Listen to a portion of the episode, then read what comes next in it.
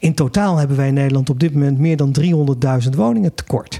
Uh, dus ja, dan is 10.000 ook nog steeds maar een beetje. Maar voor iedereen die daardoor een huis heeft, elk individu wat daardoor een dak boven het hoofd heeft, is het winst.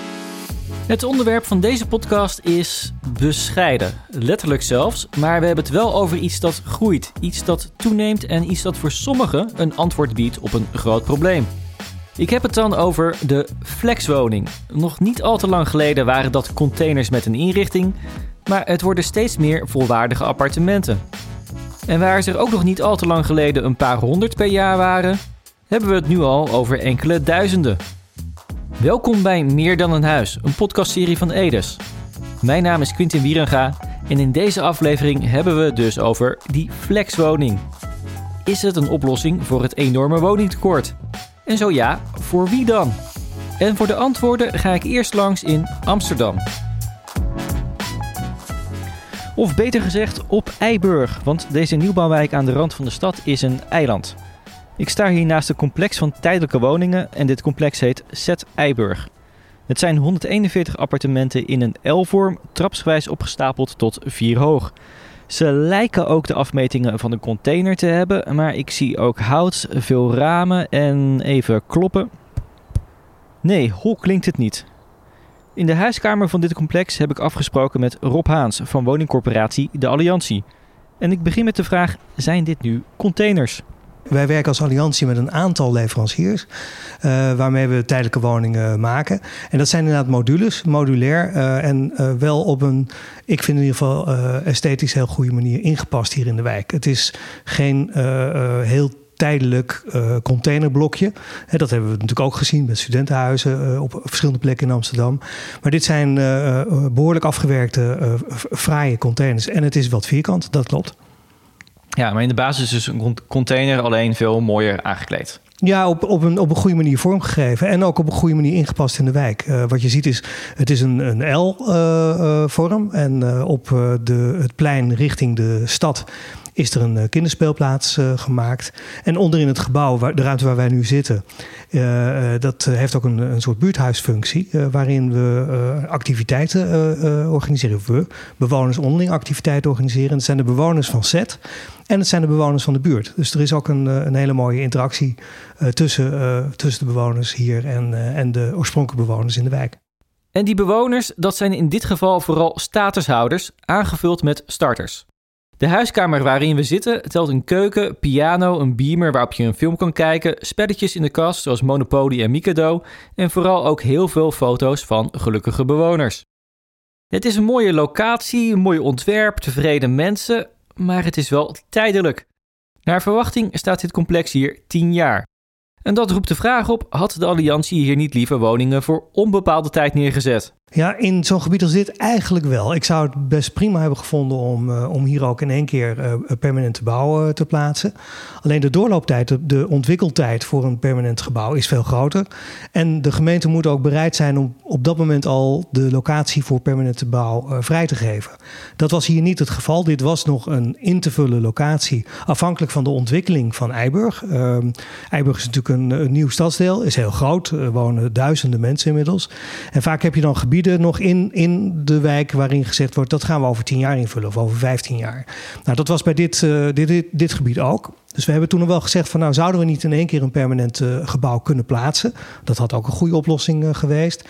Maar gezien de, de, de, de stadsontwikkeling hier en de doorlooptijd bij het realiseren van definitieve bouw, die gewoon veel langer was, hebben we ervoor gekozen om het toch met deze tijdelijke bouw te doen. Het is een mooie aanvulling op, het, op de definitieve bouw, die we ook op veel plekken doen natuurlijk. In vaktermen hebben we het dan vaak over pauzelocaties. Dat zijn locaties waar op de hele lange termijn wel plannen voor zijn, maar op de korte termijn nog niet. Ideaal dus om voor een aantal jaar flexwoningen neer te zetten. Maar op een tijdelijke plek kan je ook maar tijdelijk wonen. Voor wie zijn deze woningen dan geschikt? En daar zijn de meeste betrokkenen het wel over eens. Niet voor iedereen. Dat vindt ook Zeno Winkels. Hij is directeur van de Woonbond en komt op voor de belangen van huurders. Nou ja, Kijk, er zijn veel woningzoekenden in Nederland. 300.000 als je naar uh, echte woningen kijkt. Er zijn ook nog uh, 40.000 daklozen. Dus die hebben enorme spoed. Dus er is van alles te doen op de woningmarkt. Er is heel veel druk daarop. Nou, dan is er een speciale groep uh, spoedzoekers. Dat kunnen statushouders zijn. Dat kunnen mensen zijn die uit echtscheidingen komen. Dat kunnen mensen zijn die uit de GGZ komen. En zo zijn er nog wat varianten van mensen die eigenlijk onmiddellijk een woning nodig hebben. Daarvoor is eigenlijk alles goed genoeg als ze maar een dak boven hun hoofd hebben. Omdat er op dit moment in Nederland geen overvloed van woningen is. Dus zij zullen heel veel accepteren. Voor die groep wordt nu flexwoningen uh, als redmiddel aangeboden. En wij zijn natuurlijk heel erg voor dat er voor die lui een woning beschikbaar komt. Als dat een flexwoning moet zijn, dan uh, moet dat maar, mits de uh, kwaliteit goed genoeg is. Dus dat is onze voornaamste zorg. Is het kwalitatief goed genoeg voor spoedzoekers? Ja, en maar wel specifiek dus voor spoedzoekers. Het heeft een specifieke doelgroep, de flexwoning. Ja, er zit een, tijd, er zit een tijdelijkheid aan die wij voor uh, de uh, die wij graag. Er zit een tijdelijkheid aan flexwoningen die past bij mensen die tijdelijk een woonruimte zoeken.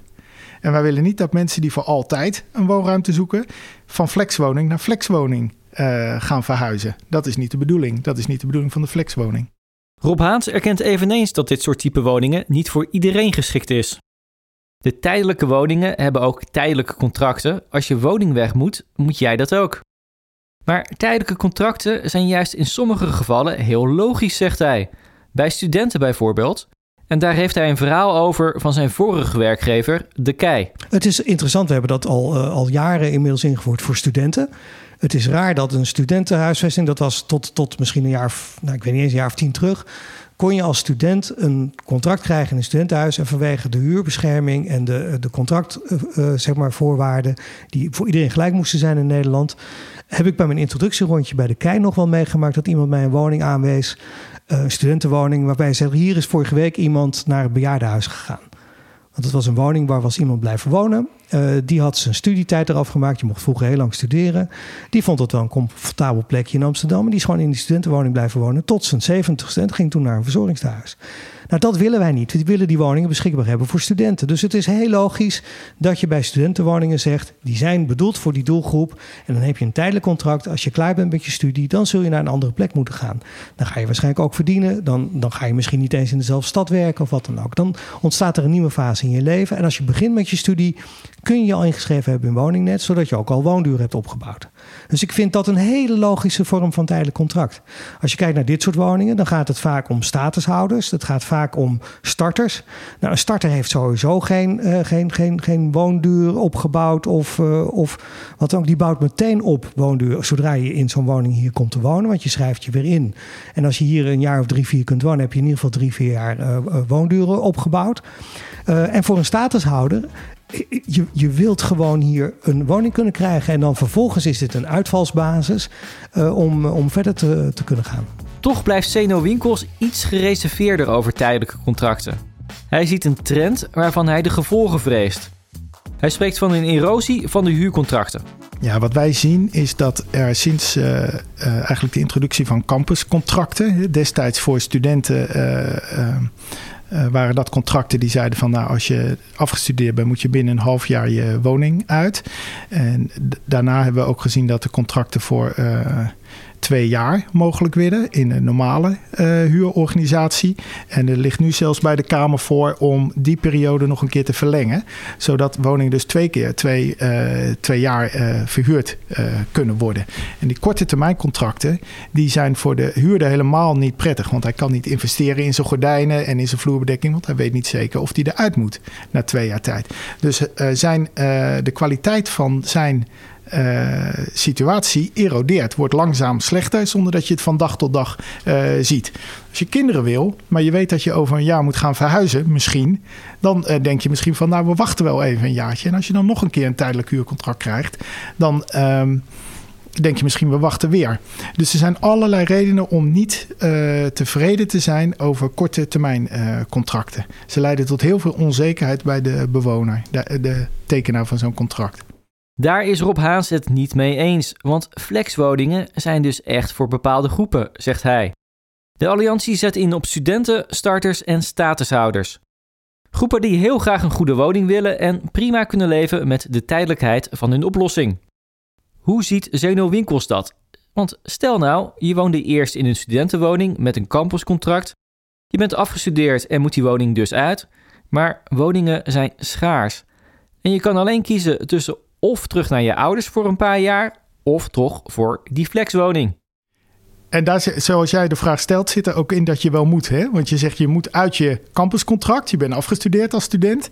En je moet ergens heen. Ga je dan vijf jaar wachten? En dan is mijn vraag aan waar ga je wachten? Bij je ouders? Nee, natuurlijk niet. Je pakt die flexwoning. En dat is de druk die op de markt zit. Waardoor iedereen die een flexwoning aangeboden krijgt, hem min of meer wel moet accepteren. Want hij of zij is een spoedzoeker. Want er zijn vreselijk veel spoedzoekers op dit moment in Nederland. Is het dan een noodoplossing? Absoluut. De flexwoningen zijn een noodoplossing. Eentje die heel welkom is, hè, begrijp, me niet, uh, begrijp me niet verkeerd. Maar het is niet een, uh, het is een oplossing voor de mensen die woonruimte zoeken. En het is geen oplossing voor de Nederlandse woningmarkt.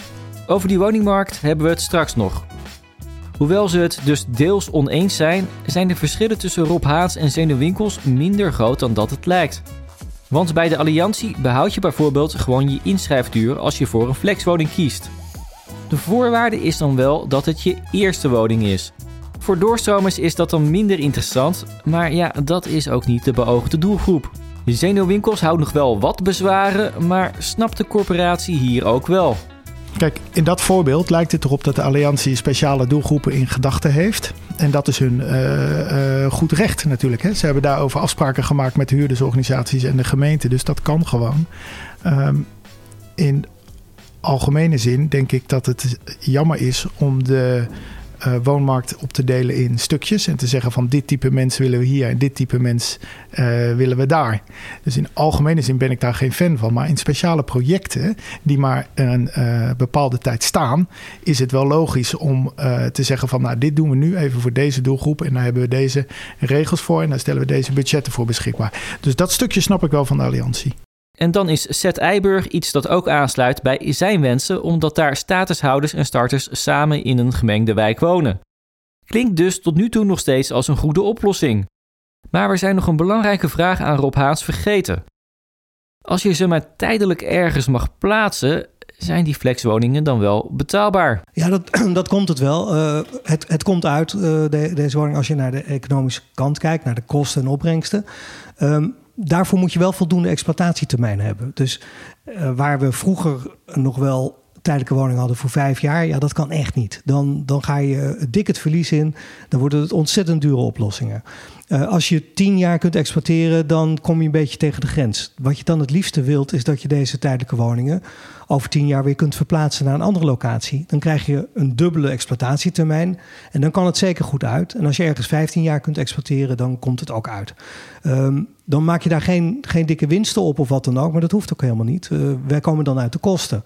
En we kunnen uh, doordat we dit uh, toevoegen aan de bestaande woningvoorraad en ook als extra woningvoorraad kunnen toevoegen, kunnen we gewoon meer mensen een huis bieden. op een manier die we ons kunnen permitteren. Kosten, daar komen, komen we uit. En wat we in toenemende mate doen, is kijken wat doen we nou met woningen na die exploitatietermijn. Kunnen we ze herplaatsen? Kunnen we misschien met collega-corporaties of voor de Alliantie in ons eigen werkgebied nog op een andere plek deze woningen neerzetten? dan gaat, het, uh, dan gaat het zeker goed. En dan is het een soort flexibele schil die echt extra woningen mogelijk maakt. Bovenop je bestaande voorraad en je bestaande bouwplannen. Oké, de betaalbaarheid is dus ook niet het grootste probleem.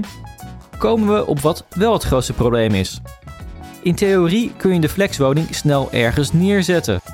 Maar dat is in de praktijk lastiger. Dat ondervindt Rob Haans met de Alliantie ook zelf. Heel proactief boden ze de gemeente waar ze werken 300 flexwoningen aan. Maar dat liep niet storm. Wij hebben vorig jaar als Alliantie, en dat hebben we ook een, beetje met een paar andere corporaties om ons heen gedaan, op een gegeven moment ook gezegd: wij bieden gewoon een aantal woningen aan. Dus we hadden vorig jaar 300 flexwoningen in de aanbieding. Die hebben we aangeboden aan alle gemeentes waar we werken. Met een beetje het idee van: nou, degene die het eerst komt, uh, die krijgt uh, die woningen. En als er zoveel urgentie is, dan moet je dat toch omarmen. Nou, uiteindelijk is het ons gelukt om in uh, Almere woningen uh, te gaan realiseren. En nou, dat heeft toch in besluitvorming uh, bijna een jaar doorlooptijd gehad. Dus die worden nu begin volgend jaar gebouwd. In Amsterdam was dat veel moeilijker. Wij hebben bijna 50 locaties aangemeld. Gezegd van wij denken dat daar tijdelijke woningen geplaatst kunnen worden. Daarvan zijn door de gemeente bijna 48 locaties afgewezen en twee zijn er in beraad. Nou, ik, ik vind dat niet de urgentie die passend is bij uh, de woningnood. En ook niet de observatie van tijdelijke woningen, omdat we hier in Amsterdam alleen al als alliantie een paar honderd tijdelijke woningen hebben geplaatst. die prima functioneren, die een goede toevoeging zijn aan de wijken. en die echt een oplossing zijn voor deze urgente doelgroep. Wat ik merk is dat gemeentes uh, dit lastig vinden. Het is soms ook lastig in participatietrajecten. Want zo succesvol als het hier op Eiburg is gegaan, dat lukt niet op elke plek. Dus dat is ook nog wel uh, uh, lastig. Um, en soms is het voor een gemeente ook lastig om een gebied voor 10 of 15 jaar te allokeren, omdat ze eigenlijk daar iets anders mee willen. Of dat nog niet precies weten. En wij zeggen ja, als je, als je dat soort pauzeachtige plekken hebt, maak er gebruik van en zorg dat je zoveel mogelijk mensen een huis biedt. Daar moeten we toch echt met elkaar voor gaan. Tot nu toe raakte de Alliantie nog maar 140 van die 300 woningen kwijt.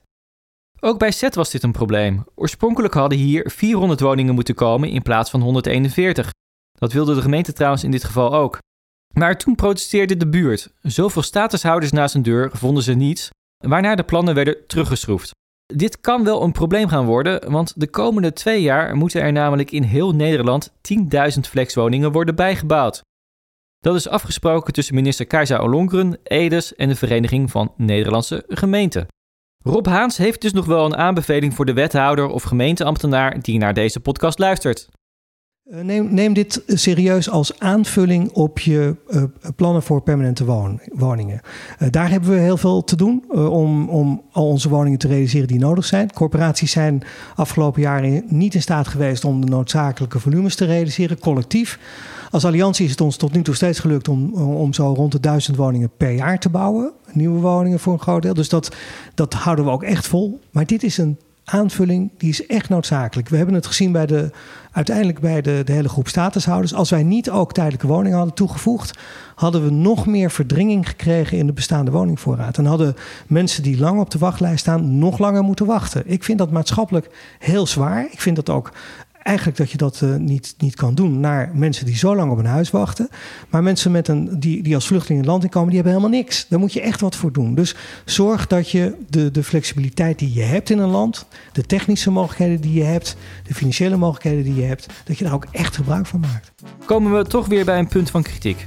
Flexwoningen zijn veel sneller te plaatsen dan vaste woningen. Wie de eerste aflevering van deze podcastserie over het woningtekort heeft geluisterd, weet dat ook nog wel.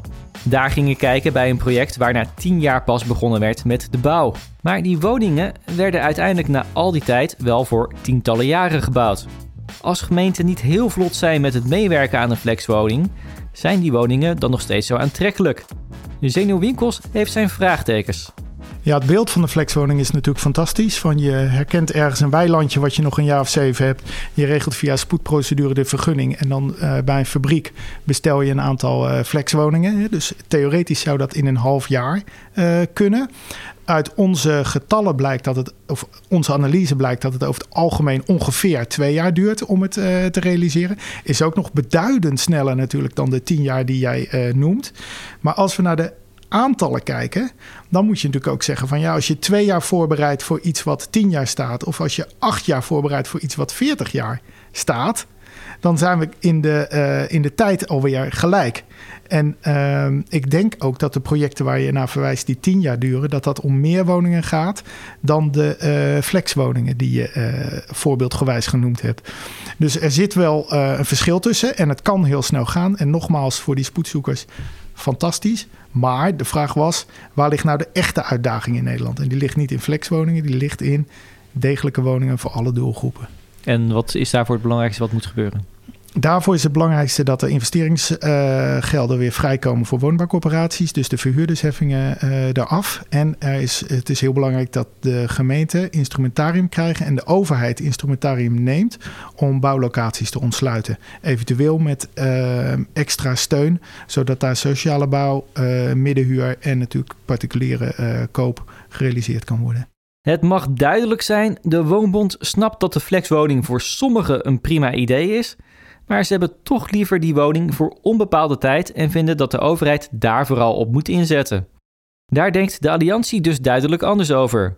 De flexwoning is zich wel degelijk aan het ontwikkelen tot één van de oplossingen voor het woningtekort, zegt Rob Haans. Nou, ik, ik, denk dat het, uh, dat het uh, ja, meer dan een druppel op de gloeiende plaat is. Het, het, is wel een glaasje water op die, op die gloeiende plaat. En dat helpt gewoon. Dat helpt. We moeten echt alles inzetten wat kan. En als wij, we, we hebben in een convenant met, met de minister afgesproken dat we de komende paar jaar zo'n 10.000 tijdelijke woningen in Nederland willen neerzetten. En dat zorgt gewoon voor extra woningen, voor versnelling, voor al die woningzoekenden. Ja, in totaal hebben wij in Nederland op dit moment meer dan 300.000 woningen tekort.